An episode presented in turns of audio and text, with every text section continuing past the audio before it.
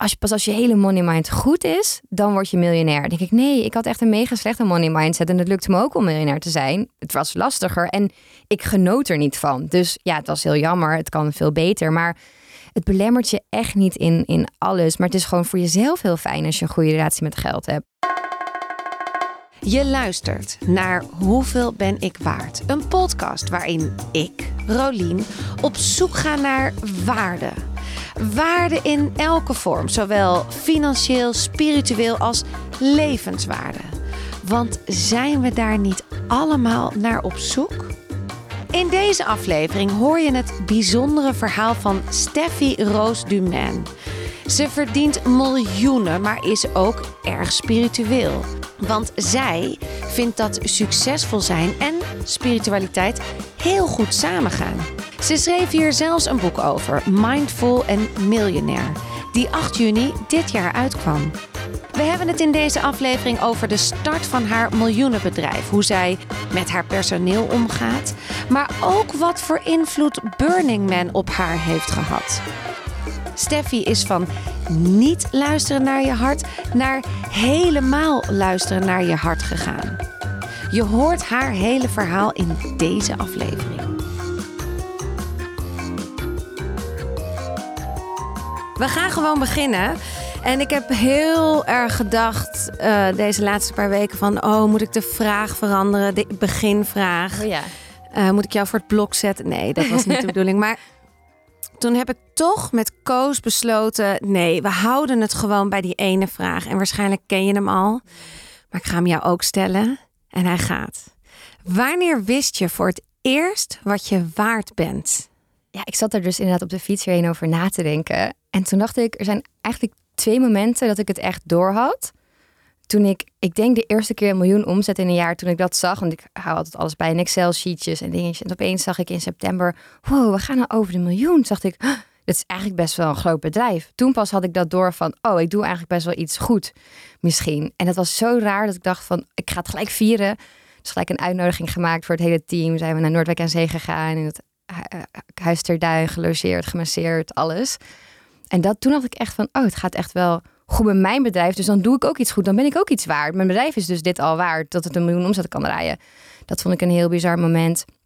En er zijn wel mensen die hebben gekeken naar hoeveel mijn bedrijf dan waard is en alles. En toen kwam ik erachter dat het meer dan 10 miljoen, dat ik dan meer dan 10 miljoen waard ben. dacht ik, wow, wow, dat is wel echt veel. Dat is echt, ja, dat is gewoon bizar. Veel. Ja. Dat is bizar. Ik zou niet eens weten hoe je dat moet opschrijven. Ik bedoel, het is toch, wat is nou 10 miljoen? Ja, ik kan er ook nog niet helemaal bij. Het is ook niet dat op mijn bank staat natuurlijk. Maar dat het overal in zit, die waarde, is wel een heel gek gevoel. Ja.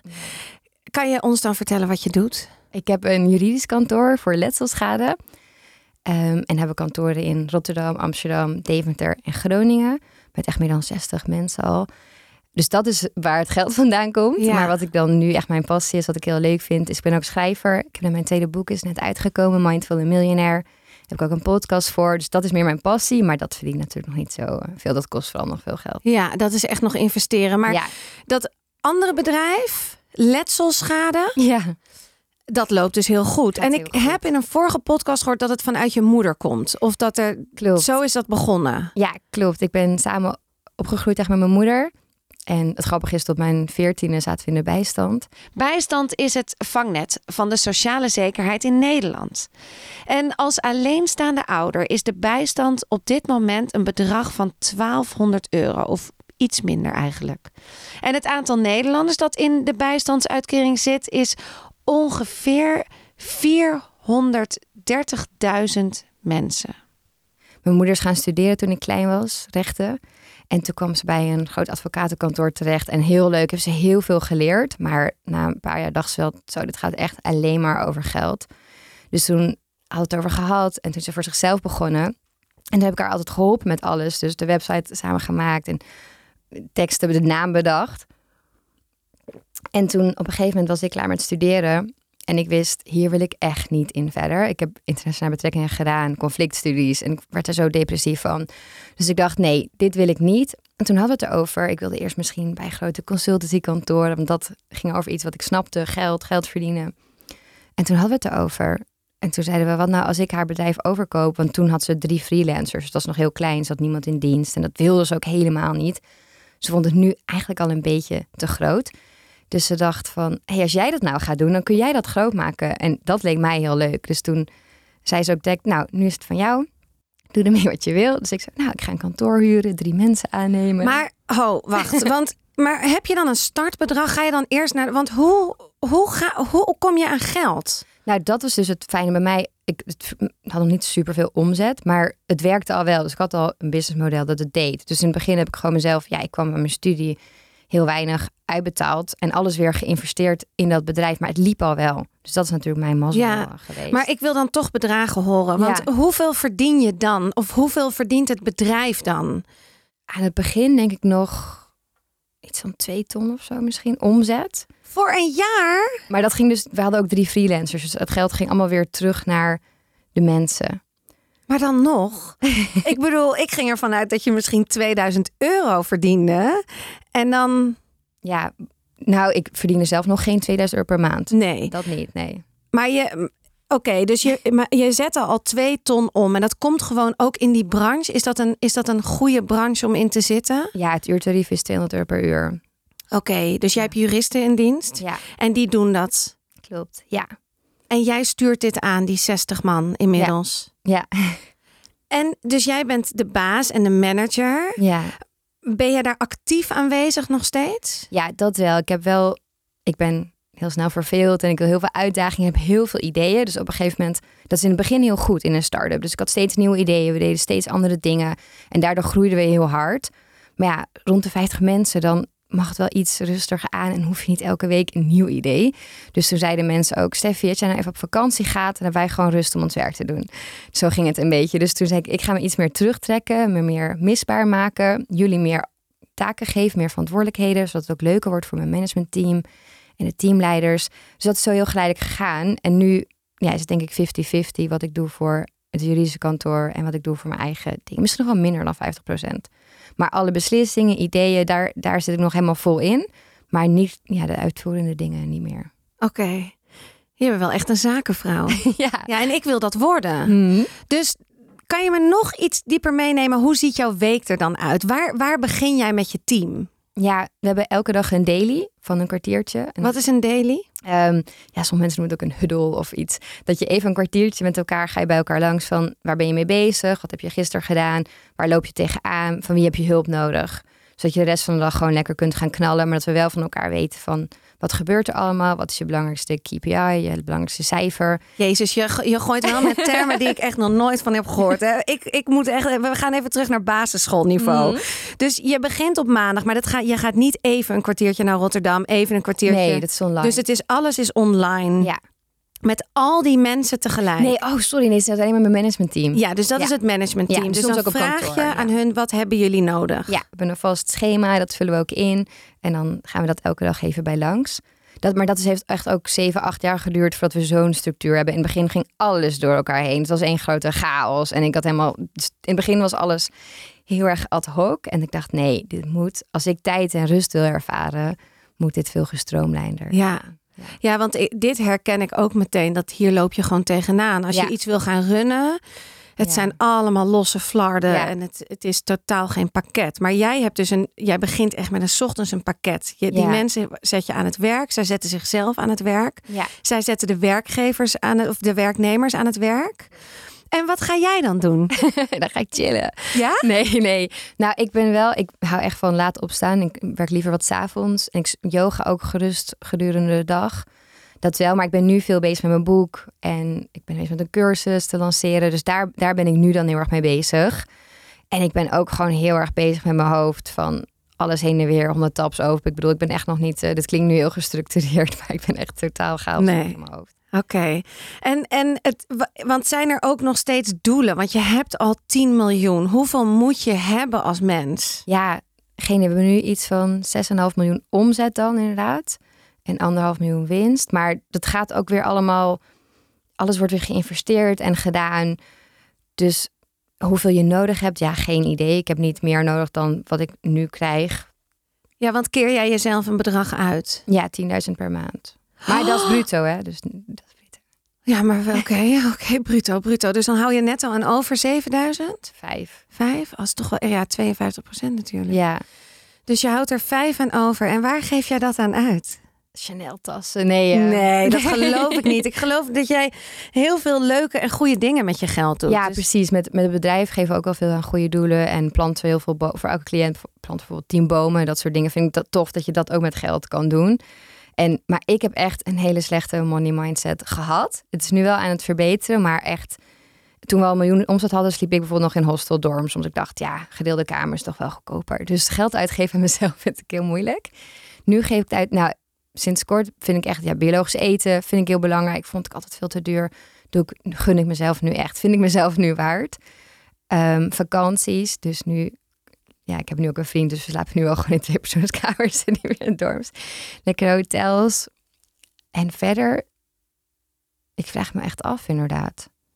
Waar gaat Ik heb, het wel, ik heb wel twee Chanel tassen, daar ben ik wel blij mee. Ja? Ja. Nou, daar mag je toch ook heel Ja. trots op zijn. Het voelt altijd als je ook spiritueel bent een beetje gek. Maar mooie, mooie dingen vind ik wel belangrijk. Ja. Maar ik heb geen dure auto. Ik heb ook een, ik, ik fiets erheen. Ik dacht, ik wil echt een swapfiets. Waarom geef ik mezelf geen swapfiets? Dat vind ik dan ook te duur, want ik heb al een oud barrel. Dat soort dingen. Dus het kan nog wel beter, die money mind. ja, want je zei net dat je een hele slechte mindset, money mindset had. Ja. Want ik wil eigenlijk in seizoen 4 ook kijken of ik meer naar de relatie kan met geld. Want hoe Hmm. ja, mooi. is jouw relatie met geld? Ja, ik denk, en het komt, mensen zeggen dan snel, oh, dat komt omdat je opgegroeid bent in de bijstand. Maar ik, ik vond het best wel lastig. Ik zag echt iets als een tekort snel. Iets dat er niet was. Terwijl zo ben ik niet opgevoed door mijn moeder. Er was altijd genoeg geld. Ik heb nooit stress gehad, echt niet. Maar als kind zat het er al in bij mij. Dus ook toen ik meer ging verdienen, dacht ik, ja, het kan ook allemaal weer weg. Dat vond ik heel lastig. Dus ik durfde het niet uit te geven, want straks was het er niet meer. Ik was altijd alweer bang van, ja, je kan ook weer helemaal terug. Het kan ook allemaal weg zijn. Dat is natuurlijk als ondernemer. Het kan heel goed gaan, maar het kan ook in één week allemaal weg zijn. Ja. En dat realiseer ik me wel heel erg. Maar nu denk ik, ja, geld is gewoon iets heel moois. Ik zie het wel als energie. Het mag naar me toe komen, het mag van me afgaan. Dus nu ben ik veel meer bezig met van, oh, het mag lekker flowen. En ik hoef er niet zo krampachtig aan vast te houden. En ik mag het ook gewoon lekker aan mezelf uitgeven en ervan genieten. En dat vond ik, investeren in mijn bedrijf vond ik altijd makkelijk. Heb ik met bakken met geld geïnvesteerd. Maar in mezelf investeren vond ik heel, heel lastig. Ja. En dat is nu aan het veranderen. Nu heb ik ook een coach bijvoorbeeld. En ja, ik geef meer aan self-care, en yoga, dingen, opleidingen. Dat vind ik nu makkelijker dan vroeger. Ja. Ja, dus je bent wat liever geworden voor geld. Ja, en geld wat liever voor jou. Ja. Ja, En voor ja. jezelf. Ja, het is echt, dat is echt wel grappig, die money mindset, hoe dat ook verweven is met wat je jezelf waard vindt eigenlijk. Ja, dat is zo. Daarom vind ik dit, dat vind ik zo tof aan deze podcast. Zo'n spirituele, diepe levensvraag ook eigenlijk. Hé, ja, wat vind ik mezelf waard? Ja. Ja, want dat is het natuurlijk ook. Ben ik helemaal met je eens. Het, is natuurlijk, het gaat niet alleen maar om dat geld. Het gaat gewoon om Nee. levenswaarde. En, eh, Ja, als we iets anders hadden dan geld, het zou geweldig zijn. Maar ja, we zitten nu eenmaal in Ja. dit systeem. En geld is nu nog het ruilmiddel dat we hebben waar we het mee moeten doen. Ja, en ik vind het ook, ja, want ik haat het ook van mezelf zo erg dat ik ook zo'n verstoorde verhouding heb met geld. Ja, En ik vind het zo irritant eigenlijk dat ik dat heb. En dat ik. En alleen het is ook een kwestie van dat je net wat jij net ook zegt. Je moet het op een gegeven moment gaan voelen. Echt. Het is ook een groeiproces. Ik- Of ging het bij jou van de een op andere dag Nee. dat je het ineens had? absoluut niet. Nee, en het is er nog steeds niet helemaal.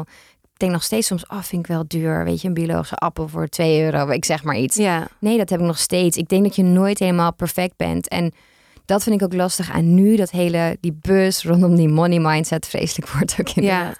Is heel erg zo van, als je, pas als je hele money mind goed is, dan word je miljonair. Dan denk ik, nee, ik had echt een mega slechte money mindset. En het lukte me ook om miljonair te zijn. Het was lastiger en ik genoot er niet van. Dus ja, het was heel jammer. Het kan veel beter. Maar het belemmert je echt niet in, in alles. Maar het is gewoon voor jezelf heel fijn als je een goede relatie met geld hebt. Ja. En ja, dan komt het sneller naar je toe en wordt het allemaal makkelijker. Maar we hoeven echt niet allemaal perfect te zijn. ja, en misschien stopt dan die verkramping. En daardoor voel je je alweer misschien rijker. Precies, dat, dat is het gewoon. Ja. Ja. En ook wat je nu hoort is heel erg zo van... ja, mijn ouders dachten zo over geld, dat heb ik ook. En helemaal op zoek gaan in die bron. En ik geloof dat dat voor sommige mensen heel goed is en heel goed werkt. Maar ik denk ook, ik ben meer van... oké, kijk waar ik nu sta en waar ik naartoe wil... en hoe ga ik dat doen zonder helemaal te kijken van... ja, boeiend waar het... Zo ben ik hoor. Ik weet dat er echt twee kampen zijn. Maar ik ben meer van... ik heb nu gezien dat ik een slechte money mindset... hoe ga ik daaraan werken zonder schuld te geven, zonder te graven. Gewoon gaan. Ja. En mediteer je dan ook wel eens? Ja, En dat je dan eh, dat visualiseert, het geld of het, de relatie met je geld. Of... ja, dat gevoel eigenlijk meer inderdaad. Van het gevoel van ik heb alles en alles is er. Het gevoel van overvloed. Ja. Ja, Heb maar je ik- dat heel erg op dit moment? Ja. Ja. En dat vind ik dan ook wel weer, dan denk ik, oh, alles gaat zo goed. En vind ik dan ook weer eng. Dan denk ik, nee, dat moet ik niet eng vinden. Dan trap ik weer, dan ga ik weer niet tekort stand van, oh, wanneer houdt het op? Ja. Nee, maar ik probeer nu gewoon te genieten. Ja, en ik hoorde je laatst ook in een, eh, in een andere podcast eh, dat jij misschien een pand wil kopen met een yoga studio. Hoe Klopt. gaat het daarmee? Ik wil het liefst in deze buurt wonen en werken, maar dat, Ja. dat lukt echt niet. We Ik, zitten in de plantagebuurt inderdaad. Ja, Ja. tegenover Artis. Ja, heel prachtig mooi, hier hè? Ja. Dus ik heb al alles losgelaten inderdaad qua, qua waar ik wil werken. Mm, ja, ik heb één pand gevonden, maar die deden tot eind augustus geen bezichtigingen. Dus die ga ik En voor in welke categorie zit je dan te kijken? Van Qua ge- geld. Mm, tussen de 1 en 2 miljoen. Wauw. Ja, maar ik wil ook dan, want eerst dacht ik, nou doe ik een klein pandje en een klein schot. Toen dacht ik, nee Steffi, ik wil dit groots aan gaan pakken. Ja. Dus ik wil een groot, mooi pand. Ja. Dus dat was ook, heb ik ook weer zoveel gesprekken met mezelf gehad over wat ik dan wil en hoe ik dat aan wil pakken. Ja, want er wordt ook een soort business school erin. Dus dat hele Mindful Miljonair komt er dan ook in. En alles eromheen eigenlijk. Ja, een soort community met mensen. Leuk. Ja, spiritueel en succes, de combinatie. Ja, gaat dat samen? Geld verdienen en spiritueel zijn? Voor mij is het echt de gouden combinatie. Ja, want wat ik dus inderdaad vertelde, dat vroeger verdiende ik wel veel geld, maar kon ik er totaal niet van genieten. En pas toen ik vier jaar geleden dat spirituele pad op ging, toen kwam dat besef van, hé, hey, wacht eens. Hoe is mijn relatie met geld? Wat doe ik ermee? Wat wil ik ermee? Wie ben ik? Wat wil ik? Dus dat heeft voor mij echt heel alles veranderd eigenlijk. Dus. Zonder spiritualiteit had ik niet zo succesvol kunnen zijn. Had ik ook al lang een burn-out gehad en alles. Ja. Voor mij is spiritualiteit echt wel de basis van duurzaam succes. Je kan even heel hard gaan, maar echt lang succesvol blijven en daarvan genieten had ik niet gekund zonder spiritualiteit. En wat is spiritualiteit? Voor Ja, jou? Ja, ja, voor mij is dat echt de verbinding met jezelf en de anderen om je heen voelen. En dat voelen, daar was ik zo slecht in. Dat mensen ook zeiden, ja, je moet voelen met je hart in plaats van met je hoofd. Ik dacht, waar hebben ze het over? Dat heb ik heel erg geleerd door ayahuasca. Van, oh ja, er zit een verschil in. Dus dat voelen, eh, bij jezelf kunnen, die verbinding opzoeken.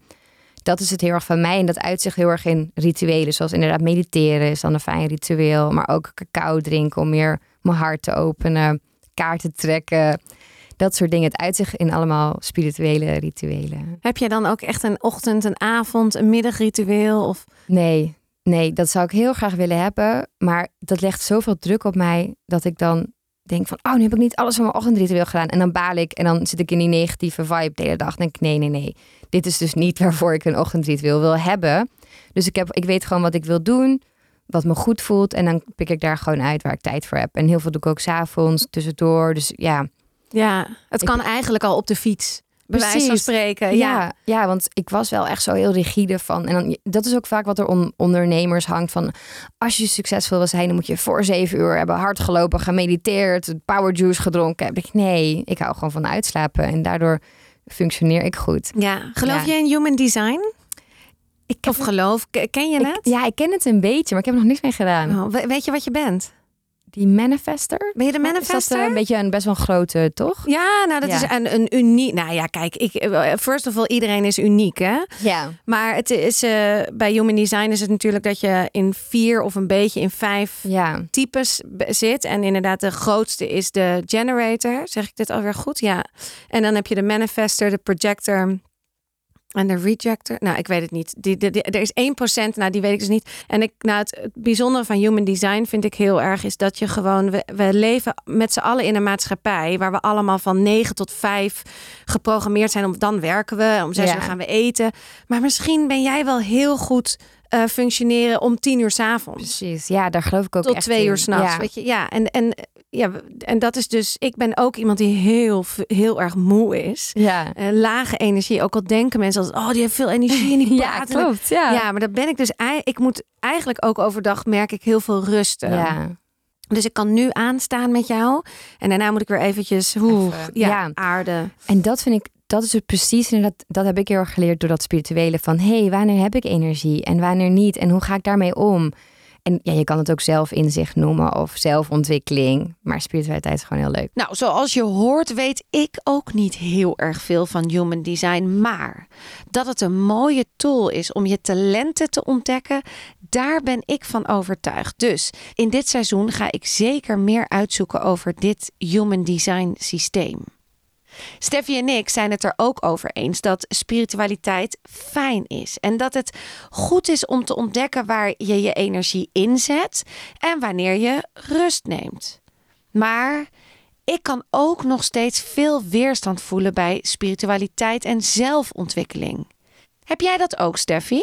Ja, in het begin had ik er echt, vroeger had ik er niks. Nou, als kind blijkbaar wel helemaal van de engelen en alles en zo helemaal weggeëpt. En toen Nee, ik dacht ook yoga. Nee, ik dacht ik wil gewoon calorieën verbranden. Wat is het nou met het ademen en zo? Weet je wel, zo begon ik echt. En tot ik dacht van, oh ja, dat ademen is ook wel goed. En dat ja. stilstaan. Maar ja, er zit wel zo'n laagje omheen dat ik wel echt af moest spellen. Een beetje of doorheen moest, dat ik het echt kon begrijpen ook. Want heel veel dingen vond ik ook echt te zweverig. Kon ik niks mee. Nu, nu heb ik daar meer mee. Maar dat, dat had ik ook, daarom heb ik dat boek ook geschreven. Want dat was echt zo van dit is het boek dat ik zelf had willen hebben. Want het is heel laagdrempelig en niet zo zweverig. Hoor ik dan van mensen dus dat gelukkig overgekomen. Want ja, je leest een boek, je denkt, jeetje, ja, dit, dit, dit engelen dingen, daar kan ik nog niks mee. Daar ben ik, daar ben ik nog zo ver van af. Ja, dus maar dat vind ik een mooie spiritualiteit. Het zijn heel veel dingen. En je kan er gewoon uitpikken wat voor jou werkt. En je hoeft vooral niet alles in één keer te doen. Je kan gewoon één dingetje pakken en denken: dit ga ik even proberen. Oh, niks voor mij. Pak ik iets anders. Maar hoe er soms over gepraat wordt, of ja, vooral als nieuwbie, dan denk je: oh mijn god, moet ik dit allemaal begrijpen? Wat is het dan? Zoals inderdaad, voelen met je hart. Ik dacht: ja, wat is dat? Waar zit? Hm, ik voel niet eens iets. Doe wat je echt, wat je hart je ingeeft. Ja, geen idee. Dat, dat wil ik juist niet. Nee, ik had ook een keer heel lang geleden ik zo'n familieopstelling. En die vrouw zei ook: ja, je zit wel heel ver van je gevoel. Ik dacht: ja ja, je zou echt biodans aan moeten doen. Ik zei, oh mijn god. Ik dacht, ja, dit kon dus niet verder. Dat, ik dacht, nee, nee, help, haal me weg hier. Maar daar was ik gewoon totaal niet aan toe. Nu bijvoorbeeld aesthetic dansen vind ik geweldig. Ja, doe je dat? Ja. Op blote voeten? ja. Met cacao en zo. Oh, wat heerlijk. Ja. Is dat ook aparte muziek? Ja, wel dat je dat echt voelt.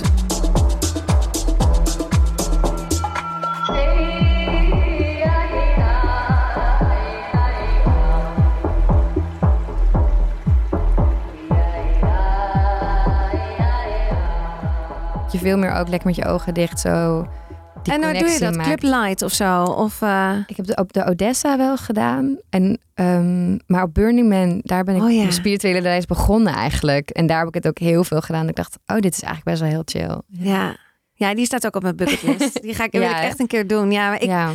moet, voor mijn gevoel moet ik dan wel echt een schaamte voorbij. Maar nou, ik ben daarheen gegaan, maar dat was vier jaar geleden ik had niet zo'n goed idee wat het was. Ik ken ook niemand die nog heen was geweest. En ik kwam daar en ik dacht, oh mijn god, iedereen loopt hier naakt. En alles. Ik dacht, nee, nee, nee. Nou, eerst dag echt keihard gehuild. Ik zat zo in de weerstand. En daarna dacht ik, oké, ik gooi mezelf in het zand en ik ga er gewoon voor. En ik laat alles om me afkomen. Mensen knuffelen daar dan ook. En dan zijn ze helemaal bezweet en vies. Nou, ik had echt zo'n personal space om me heen. Maar dat allemaal juist van me afge ja, laten glijden. Niet mijn kleren, maar wel alle laagjes en dingen. Dus ik zou er juist heen gaan voordat je klaar bent met alles in het leven. Weet ja. je, doe het before you're ready. Ja, misschien ook wel. Ja, want ja. Ja, dan ga ik eerst een keer naar Club Light en daar ga ik dan dansen. en dan, nou ja, we zien het wel. Hey, Stef, jij hebt een boek geschreven. Ja. Inderdaad, miljonair spiritualiteit. En dan samen gebundeld in een boek. Ja. Jouw reis van de laatste vier jaar. Ja. Hoe gaat zo'n proces? Hoe, hoe verzin je het om een boek te schrijven? Ja, nou, ik had al een boek geschreven, maar echt al heel lang geleden. En dat ging een beetje over hoe je een socialite wordt. Echt wel heel iets anders, maar wel weer een handboek. En dit is dan een handboek inderdaad van Mindful Millionaire. Hoe combineer je succes en spiritualiteit? Zakelijke gids. Oh, spirituele gids voor zakelijke succes. Ja, dus dat is het eigenlijk. Ik, maar het kwam ik werd spiritueler. Ik kwam terug van Burning Man. En iedereen zei: Oh god, nu heb je haar. Wordt het zo'n hippie? Gaat het niet meer goed met het bedrijf? Wordt alles minder? Wordt ze niet meer zo commercieel en zakelijk? En toen dacht ik: Ja, dat kan. Maar ik voel me hier al goed bij, dus ik ga het wel gewoon doen. Dus ik ging, nou, begin een beetje stapjes, kleine mini-stapjes spiritueel worden. En toen werd het corona. En toen was ik al veel spiritueler. En dan zit je natuurlijk thuis en een en al reflectie, want wat kon je anders doen? En toen keek ik terug en toen dacht ik van... hé, hey, maar eigenlijk heeft die hele spirituele reis me veel succesvoller gemaakt. Ik ben helemaal niet minder zakelijk of slechter of minder commercieel geworden. Het gaat veel beter. Het bedrijf is nu, weet ik veel, omzet is nog weer verdubbeld en alles. En toen ging ik daarover nadenken en toen dacht ik, ik wil hier iets mee. En ik had net een cursus gegeven, want in begin corona vroeg ik gewoon, hey, hoe kan ik helpen? En toen kwamen best wel veel mensen van, oh, ik zou willen weten hoe ik een business start. Dus heb ik daar een cursus voor gegeven. En toen dacht ik, oh, nu wil ik misschien hier een cursus over geven. En toen begon ik en toen dacht ik, nee, nee, nee. Hier zit een heel boek in. Ik wil hier zelf helemaal induiken, heel veel onderzoek naar doen. En dat is voor mij ook een boek. Dan, ja, het is gewoon een soort vrijbrief om heel veel artikelen te lezen, heel veel boeken te lezen, wetenschappelijk onderzoek in te duiken. En dat heb ik allemaal toen gebundeld in een soort handboek. Maar oké, en dan wil ik daar ook weer van weten. Hoe ziet dan je dag eruit? Wat, wat, Ja. wat doe je dan? Waar, waar begin je? Want je, dan mag je dus, dan is het inderdaad een vrijbrief om Ja. artikelen te lezen, om op de bank te zitten, nog meer boeken, nog meer YouTube-filmpjes, whatever. Mhm. Maar zie je dat dan echt als werk? Vond ik heel lastig in het begin. Dus in het begin deed ik ook alles 's avonds. Maar dat is wel fijn dat ik een avondmens ben. Dus dan leef ik helemaal op en dan eh, komt het wel goed. Maar op een gegeven moment dacht ik, nee, ik ga dit echt serieus aanpakken. Dus ik ga er gewoon heel veel tijd voor vrijmaken. En dan werk ik meer in dagen van deze dag voor Mindful Millionaire. En deze dag voor JBLG ben ik op kantoor. Eh, JBLG is mijn juridisch kantoor. Ja. En toen ik merkte dat het lastig werd, dacht ik: oké, hoe ga ik mezelf in een omgeving storten waar ik wel echt gevoed word door creativiteit? En toen heb ik één dag per week een werkplek gehuurd bij Hashtag Workmode. En daar ging ik daar alleen maar aan mijn boek werken. En daar zit je met allemaal ondernemende vrouwen. Dus toen ben ik dat gaan doen, zodat ik daar echt zat. Want omgeving is wel voor mij heel belangrijk. Wat ik doe op, ja, op kantoor ben ik gewoon alleen maar met het juridische kantoor bezig. Dus dat zag ik op een gegeven moment van mezelf wel in. Van hé, hey, dus dacht van oké, dacht ik wel even van, hmm, ga ik nu geld uitgeven voor een werkplek? Terwijl ik al een kantoor heb en een thuiskamer. Dacht ik, ja, Steffi, dit heb je nodig. Wel dat geld uitgeven. Ja, dus dit was een investering in jezelf. Precies, ja. Dus toen heb ik dat gedaan. Ehm, dus toen kon ik het meer verdelen. Want ik merkte dat ik anders met alles in mijn hoofd bezig was. Dus nu werk ik meer in dagen. En natuurlijk komen er appjes en mailtjes tussendoor. Maar ik werk dan vooral mijn boek op die bepaalde dagen. En En dan zit je daar de hele dag en dan ben je dus je boek aan het schrijven. Maar jij, jij hebt er ook een uitgeverij aan gekoppeld. ja, uiteindelijk wel, maar eerst niet. Oké, hoe gaat dat? Nou, ik had mijn eerste boek bij Prometheus geschreven. En dat was echt van, hey, wil jij hier over een boek schrijven?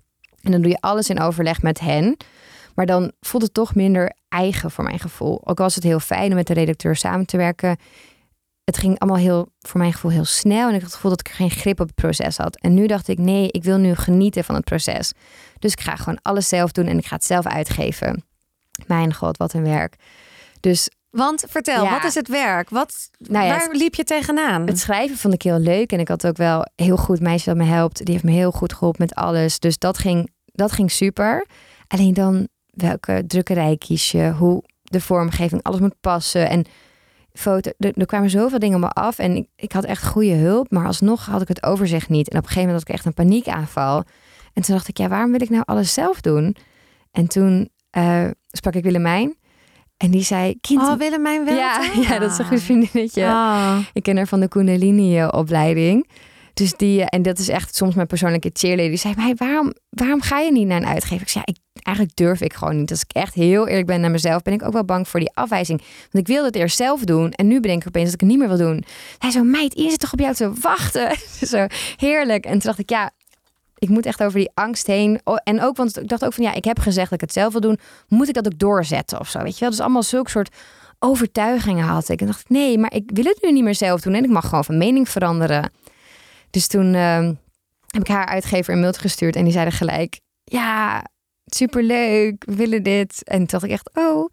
En toen ging het super snel. Ja. ja. Want, eh, en ook even financieel, hè, wil ik natuurlijk het plaatje weer even Ja. helemaal eh, volledig zien. Want toen jij eerst dacht, ik ga het zelf uitgeven. Wat, wat heb je dan voor budget daarvoor? Ik had een ton uitgetrokken voor alles. Voor het drukken, de eerste Ja, oplages, dat promotie, ja. promotie. Kan alles. voor veel minder hoor. Maar ik dacht, ik wil het dan ook goed uit. Ja, en eh, ik bedoel, jij hebt het. Dus, maar je had een ton voor het schrijven, de, de plek huren, alles. ja. Dat meisje inhuren, Promotie, die jou helpt ja. promotie. Ja. Ja. Oké, en dan, dan, dan, dus je hebt daar een deel van geïnvesteerd, maar toen ben je toch inderdaad met een uitgeverij. En hoe Ja. werkt dat dan? Krijg je dan een euro per boek of eh, maak je Zoiets, een ja. deal?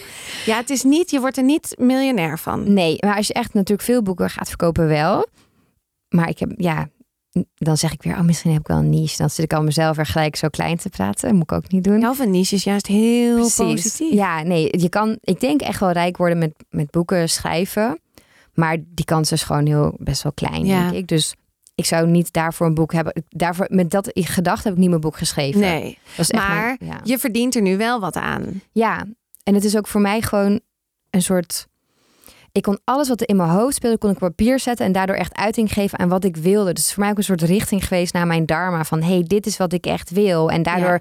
trek ik nu ook mensen om me heen aan die er ook zo in staan. Ik heb allemaal nieuwe mensen leren kennen die ook op die golflengte zitten, die ook dat vibe hebben. Dus dat is al zo fijn voor mij geweest dat ik nu weet welke richting ik echt op wil. En daarvoor was ik heel erg struggelend van ja, wat wil ik nou? Ik wist het gewoon niet zo goed. Want welke richting wil je op? spiritualiteit en zakelijk succes combineren. Dus echt een combi tussen werk en hoe zet je dan spirituele tools in om te groeien, om, om rijker te worden en dat het mag. Want dat zie je natuurlijk wel veel in de spirituele wereld van ja, je mag niet echt geld verdienen, want je helpt toch mensen. Ja, maar ik heb ook wel geleerd nu van Gerline, onze sjamaan, eh, dat als je heel veel geld hebt, kun je ook weer heel veel in de maatschappij stoppen. Precies, ja. En Ja. ik ben ook wel echt van het kamp. eh, hallo, ik, wil, ben, ik heb geld en ik wil graag mijn geld uitgeven aan spirituele mensen. Maar dat moet wel lekker makkelijk voor me worden gemaakt. Dus ik wil niet naar een keldertje met iemand die geen website heeft en die het ernaast doet. Ik wil iemand die gewoon fulltime spiritueel kan zijn. Dus dat kost ook geld. Ja. Iemand die daar helemaal mee bezig kan zijn. En ik geef dan liever mijn geld daaraan uit dan aan hamburgers of de McDonald's. En dan denk ik, waarom zou, zouden we wel gewoon geld uitgeven aan dat soort industrie of aan auto's of aan vliegtickets en allemaal andere vervuilende dingen. En niet zoveel geld uit mogen geven aan een mooi kaartendek of iemand die mij helpt, aan een shamaan, aan een healer. Ik heb liever dat er zoveel mogelijk geld naar dat soort mensen gaat. Ja. Dan gaat er minder geld naar. ja, dat ben ik helemaal met je eens. En, en ook eh, vraag ik me dan wel af, wat is de tip? Voor mij is het echt in jezelf geloven. Dat klinkt zo cliché, maar echt, want ik zie zo vaak bij mezelf, maar ook om me heen, dat het is echt alles met die mindset. Dus zolang ik niet geloof dat ik het kan, ga ik het ook niet kunnen. Nee. Maar is dan, om dat te, die te activeren, is dan, eh, denk jij, ik bedoel, niks is het best of het, Mm, maar gewoon nee. wat, wat heeft jou het meest geholpen? Is dat toch het mediteren of het journalen, Combi. mensen praten, coach? Ja, echt een combinatie van alles. Want er is niet inderdaad niet één ding dat werkt voor iedereen, maar ook niet voor mij. Ik ben ook elke dag een andere persoon, elke uur wel. En de ene dag heb ik echt veel zin om te mediteren. En soms denk ik, oh mijn god, ik kan het niet. Nou, dan, dan luister ik ook naar de meditatie en denk ik, waar ging het over? Ja. En dan zegt mijn vriend, oh mooi hè, die zon. Ik zo, er was een zon in deze meditatie. Hij zei, ja, dat kwam ongeveer elke seconde terug. Ik zei, nou, dus dan laat ik er maar even gaan, weet je. Dus ik kies ook elke dag iets anders, maar wel weer elke dag die verbinding met mezelf. Ja, Dat vind ik dan wel belangrijk. En dat in jezelf geloven is iets wat je gewoon continu moet herhalen. Ik zie het zo, je hebt, je hebt een soort criticus die continu kwettert van dit kun je niet, daar ben je niet goed in. Wie zit op jou te wachten? Wat denk je wel? Dat, nou, dat gaat maar door. Daar hoef je geen moeite voor te doen. Maar aan de andere kant wil ik ook, heb ik ook een soort cheerleader, een soort mentor in mij. Daar moet ik even voor graven. Dan moet ik gewoon af en toe erbij halen. Wat zou die zeggen? Wat, wat zou ik over mezelf tien jaar, mijn Steffi over tien jaar tegen mezelf nu zeggen? En dat is gewoon een proces. En daar kan ik van alles bij halen. Journalen, mediteren, kristallen. Alles wat mij helpt. Maar daar, daar komt het wel op neer dat ik lief tegen mezelf ga praten. Als iemand die een beetje afstand neemt. En die zegt van... hey, ik ben de Steffi over tien jaar. En dan de wijze, geweldige Steffi die alles kan wat jij wil. Ik ga nu even tegen jou praten alsof je misschien een klein kind bent. Maar dat, dat helpt wel heel erg. Ja. Waar maak je je nou eigenlijk druk om? ja, Waarom doe je het niet gewoon? Wat Ja. is er zo erg als het misgaat? En als ik die vraag aan mezelf stel, dan denk ik vaak... oh nep, dat klinkt nep. Maar als ik mezelf in dat projecteer over 10, 20 jaar... wordt het een stuk makkelijker. ja. Dus dat is dan mijn trucje wat ik dan, eh, dan doe. Ja, nou, het is niet. ik- Ja, ik denk dat het ook een heel belangrijk trucje is. Ik Ja. probeer nu ook dat echt meer naar mezelf te doen. Echt Ja. wat liever voor mezelf te zijn. Lievere woorden Ja. aan mezelf te geven. En niet altijd, want inderdaad, wat je zegt, die negatieve dingen die komen gratis. Die komen die echt komen, gewoon bam. Zonder moeite. Ja, Maar dat lief zijn voor jezelf. Oh, wat Ja. is dat toch lastig. En eh, ik vroeg me net ook nog af, want jij begon eigenlijk met best wel een goed bedrijf. Wat je Mhm. overnam van je moeder. Dus Ja. dat, was, dat kwam ook in een organische flow. ja. Maar als nou iemand nu begint en die ziet, hoe lang ben je bezig met een goed bedrijf opzetten? Hoeveel jaar neem jij daarvoor?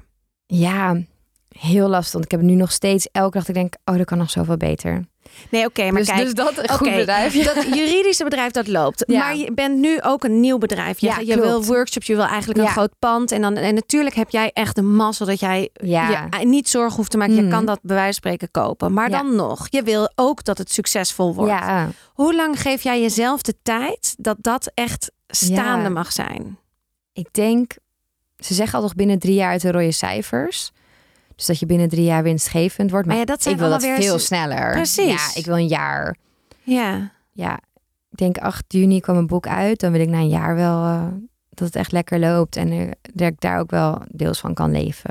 Ja. Ja, En dat het juridische misschien steeds meer naar de achtergrond. Dat dat wel blijft, maar... precies. Maar, dat ik er niet meer elke dag met al mijn ideeën kom. En, Nee, want Nee. het lijkt wel een beetje, als ik jou zo bekijk, dat er echt een switch zit. En het gaat samen, ja, maar je bent echt toe aan nieuwe uitdagingen. En Ja. dat is helemaal je boek en ja. je school en je Maar dat heb ik altijd door al gehad. Ik kon nooit inderdaad, ik ben zo snel inderdaad afgeleid of dat ik geen uitdaging meer heb.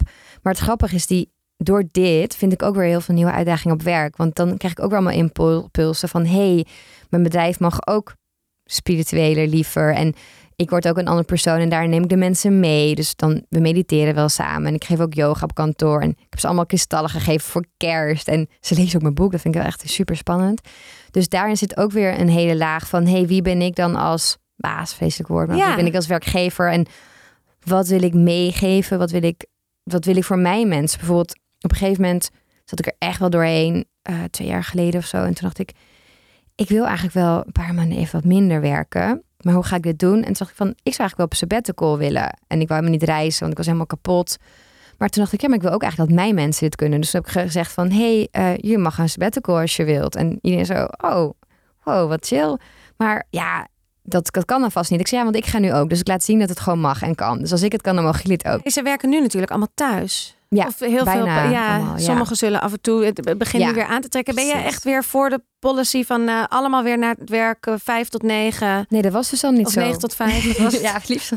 Nee, dat was voor die tijd. Voor ons was er ook niet zo'n grote verandering. Iedereen werkte, iedereen werkte al thuis. Want ik geloof echt, vijf dagen op kantoor, dat is niet goed voor niemand. Want Nee. je wilt toch ook je was doen. Je wil je pakketjes thuis laten bezorgen. Je wil een keer in je pyjama werken. Als het regent, hoef je ook van mij niet naar kantoor te komen. Waarom zou je dan moeten fietsen door de regen? Of als je ongesteld bent of je niet lekker voelt. Nee, blijf lekker thuis. Ja. Dus iedereen mocht dat altijd al. Iedereen had dus ook al een laptop en een hele thuisinstallatie. Dus bij ons was het ook heel makkelijk van, oh, nu moeten we even allemaal alleen maar thuiswerken. Mag je even niet naar kantoor? En daarna, we hadden bijvoorbeeld kamers waar je met z'n vieren mocht zitten. Dan mocht dan één persoon zitten. En dat soort dingen. Dus ja, dat was, er was niet zo voor ons niet zoveel verandering. Maar nu klink jij echt heel lief en zacht en aardig. Ben Ja. je ook hard? Ik kan wel Zakelijk? Ja, ik kan wel zakelijk zijn, maar niet hard, denk ik. Want en ik denk ook niet dat het zin heeft. Want mensen zeggen vaak van, oh, je bent veel te empathisch en te lief. Nou ja, daar kom je dus ook heel ver mee. Juist denk ik omdat ik heel erg kijk naar personen van, wat hebben mensen nodig? Ik wil dat mijn medewerkers heel gelukkig zijn en dat ze heel lang blijven. Want dat levert mij het meest geld op. Maar dat maakt mij ook gelukkig. Ik heb er niks aan als iedereen met een chagrijnige toets zit. Nee. Nee, ik met Fremibo ga ik met ze op stap daarna en is het vet gezellig. En ik krijg, ze denken mee, ze leven mee. We zijn allemaal echt een soort, ja, echt een hecht team. En dat, daar word ik gelukkig van. Dus waarom zou ik heel hard zijn? Ik denk niet dat je daar verder mee komt. Dat Nee. is mijn ding. Ik denk dat je hier veel verder mee komt. En volgens mij moet je gewoon, als je zo'n groot bedrijf hebt, echt een super goede HR hebben. En dat is grappig. Die hebben dus pas sinds kort. Een hele Oh, goeie. echt? Ja, ja we, we hadden daar heel veel problemen mee. En HR vond ik ook, nou ja, dat is misschien wel grappig dat je het zegt. Ik vond het altijd zo belangrijk dat we dat helemaal bij de directie hadden liggen. Mijn nicht is psycholoog, die heeft heel lang bij ons gewerkt en die, die deed dat vooral. Echt uit die psychologische Ja. kant. En nu hebben we iemand die dan de HR doet en het hele administratieve de- gedeelte er ook bij. Maar die begon gewoon als juridisch medewerker tijdens haar studie en past heel goed bij ons. Is helemaal opgeklommen tot het managementteam. Maar dat was echt een functie waarvan ik dacht: nee, ik wil dit niet uit handen laten. Het is zo belangrijk. Ook inderdaad, als iemand bij je komt en die zegt: ik ben niet lekker of ik moet voor mijn moeder zorgen of iets. Wat je als je dan zegt van nee, mag niet, want zo staat het in het handboek. Nee, ik wil dat iemand echt meeleeft. En ja. dat is zo lastig. En hoe je dingen zegt, ook in functie of evaluatiegesprekken, hoe je dat brengt. Dat is echt, dat is voor mij de kern van je bedrijf. Want mensen zijn voor mij het belangrijkste. Dus hoe ik met, met mensen omga is ook het belangrijkste. Ja. Hey, en ik zag, eh, ik wil ook nog even over weer iets heel anders. Een lekker hak op de tak. Maar eh, ik hoorde jou net iets zeggen over engelen. ja, als kind was ik daar blijkbaar helemaal door geobsedeerd. Zijn mijn moeder had ik allemaal Ja. boeken en dingen en zo.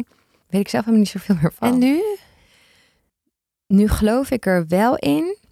Ik ga ook straks naar zo'n reading. En dan, die zei ook al, ik vraag even aan je guardians wat voor opdracht je moet doen. Naakt zwemmen in zee, echt thanks, engelen. Hé, hey, wat een goeie. ja, ze zei, meestal is het een waarvan je bij heel veel weerstand voelt. Ik zei, oh ja, ja, die voel ik. Wanneer ga je dat doen?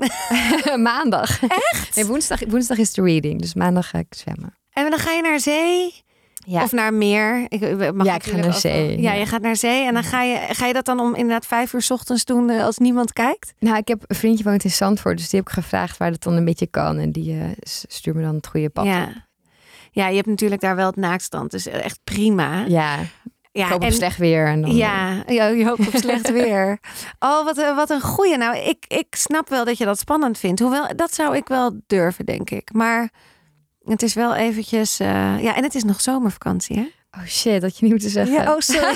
nee, nee, komt goed, komt goed. Oh, goed dat je dat gaat doen. Oké, dus Ja. ja, dat is volgens mij is water ook heel erg aarde, hè? Dus dat- Absoluut. Ik hou sowieso echt van water hoor. Al mijn beste ideeën komen in het water. Ik zwem ook heel graag. Ik- ja, zee, alles. Misschien, ik ben ook schorpioen. ik ook. Oh ja? Oh, Echt? grappig. Wanneer Ja. ben je jarig? 30 oktober. Ik 27. Oh. Hoe oud word jij? 35 word ik. Jij? Mooie leeftijd. 40. Ook heel mooi. Ja, ik ben ook gewoon. Ja, ik word, ben blij dat ik hem aan mag tikken weer Ja, natuurlijk. toch? Ja, Ja, het is een ja, cadeautje. mooi.